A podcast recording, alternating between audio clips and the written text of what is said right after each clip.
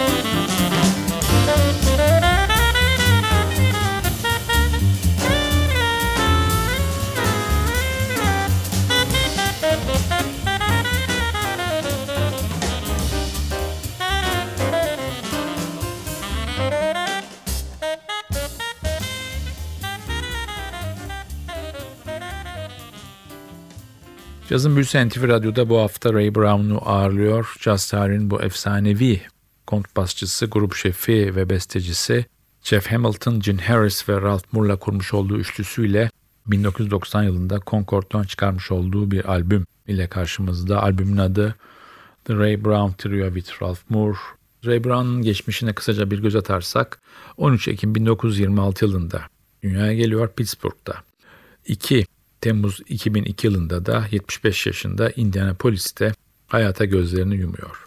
Ray Brown müzik yaşamının ilk yıllarında Duke Ellington'ın basçısı Jimmy Blanton'dan çok etkileniyor ve Pittsburgh Jazz sahnelerinde lokal gruplara çalarken aklında hep Jimmy Blanton'ın sound'u var. 1945-51 yılları arasında değişik aralıklarla Dizzy Gillespie'nin grubuyla çalıyor. Bu grupta vibrafonda Milt Jackson, davulda Kenny Clark ve piyanoda John Lewis var. Zaten modern jazz kuartetin öncüsü olan bu dörtlüde modern jazz kuartet ismini olmasa da beraber sahne alıp kayıtlar yapıyorlar. 1947 yılında Ella Fitzgerald, Dizzy Gillespie'nin grubunda Güney eyaletlerine yapılan bir turne için özel konuk olarak katılıyor ve Ray Brown'la aralarında romantik bir ilişki başlıyor. İkisi evleniyor. Çocukları olmayınca da Ella Fitzgerald'ın üvey kız kardeşi Frances'in oğlunu evlat ediniyorlar. Dönüyoruz tekrar albüme. Sırada bir caz klasiği var Bye Bye Blackbird.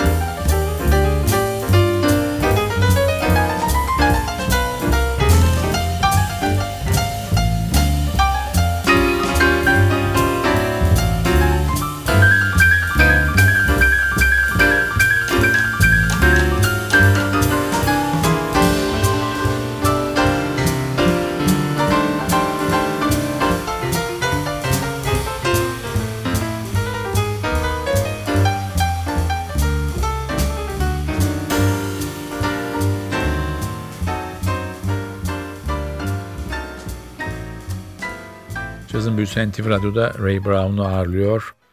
2002 yılında 75 yaşında hayata gözlenilen bu efsane kontrbas sanatçısı müzik yaşamının ilk 20 yılında gerektiği saygıyı pek görmedi. Bunu 1990'larda yazan caz eleştirmenleri ve tarihçileri söylüyor. Çünkü o dönem Oscar Pettiford'la kıyaslandı ve onun kadar iyi bir solist olmadığı, eşlikçi olduğu konusunda yorumlar yapıldı. Esasında Ray Brown da bu karşılaştırma karşısında ben solistim edasıyla işlere pek girmedi. Müzik yaşamına baktığınız zaman hep birçok önemli isimle sahne aldığını ama grup şefi olma yerine bu önemli isimlerin arkasına durduğunu görürüz.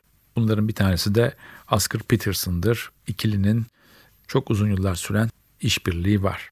14 yıl süren bu işbirliğinde 1958'e kadar Barney Kessel, peşinden Herb Ellis grupta gitar çaldılar. Son gitaristten sonra da Peterson karar değiştirdi. Gitar yerine davulcu Ed Tikben'i gruba ekledi. Biz tekrar dönüyoruz albüme. Sırada Ray Brown'un kendi bestesi var. Ralph's Boogie.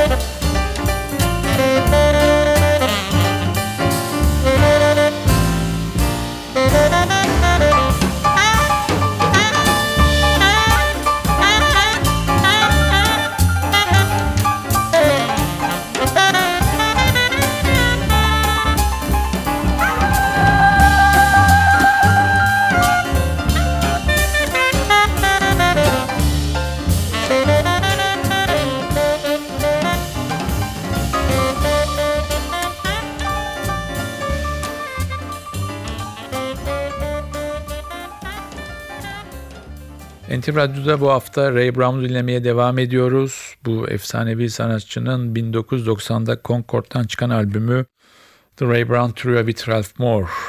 Albümün bir diğer adı daha var. Moore Makes Four. Albümde yer alan Gene Harris, Soul Jazz'ın en önemli piyanistlerinden bir tanesi. 1 Eylül 1933 yılında Michigan'da dünyaya geliyor. 16 Ocak 2000 yılında da hayata gözlerini yumuyor. Blues ve gospel'a giden sounduyla caz tarihinde kendine ayrı bir yer edinmiş bir sanatçı. Blue Note ve Concord'la 1955 ve 2000 yıllar arası sayısız kayda imza attı. 1980 ve 90'larda Philip Morris Super Band'in aranjörü ve şefliğini yaptı. Gene Harris'in müzik yaşamında çok önemli iki olay var. Bir tanesi Ray Brown'la yaptığı çalışmalar, bir diğeri de The Philip Morris Super Band'la verdiği konserler ve yaptığı turneler. Tekrar dönüyoruz albüme. Sırada bir Cole Porter bestesi var, Everything.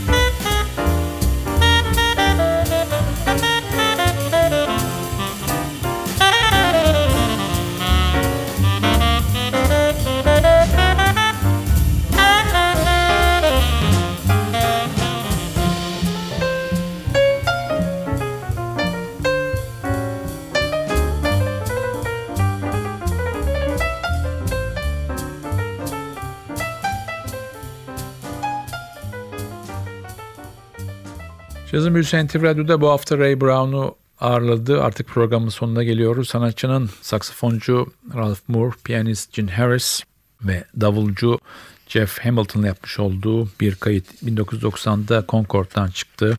Moore Makes Four isimli albüm. Albümde davulda da Jeff Hamilton var.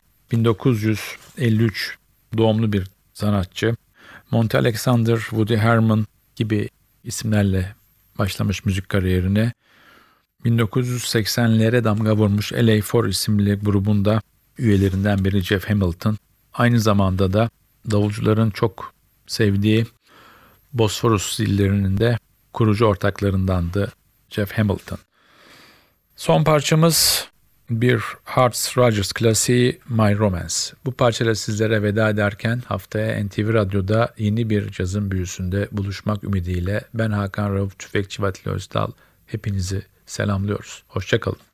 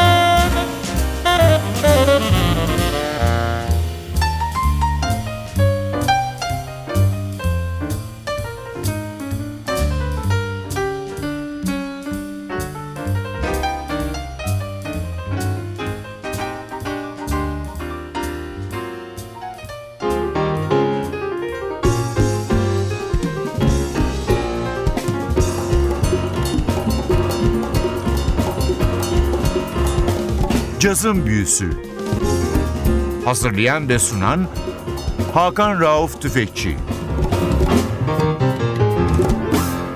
Cazın Büyüsü sona erdi. Programın tüm bölümlerini ntvradio.com.tr adresindeki podcast sayfamızdan dinleyebilirsiniz.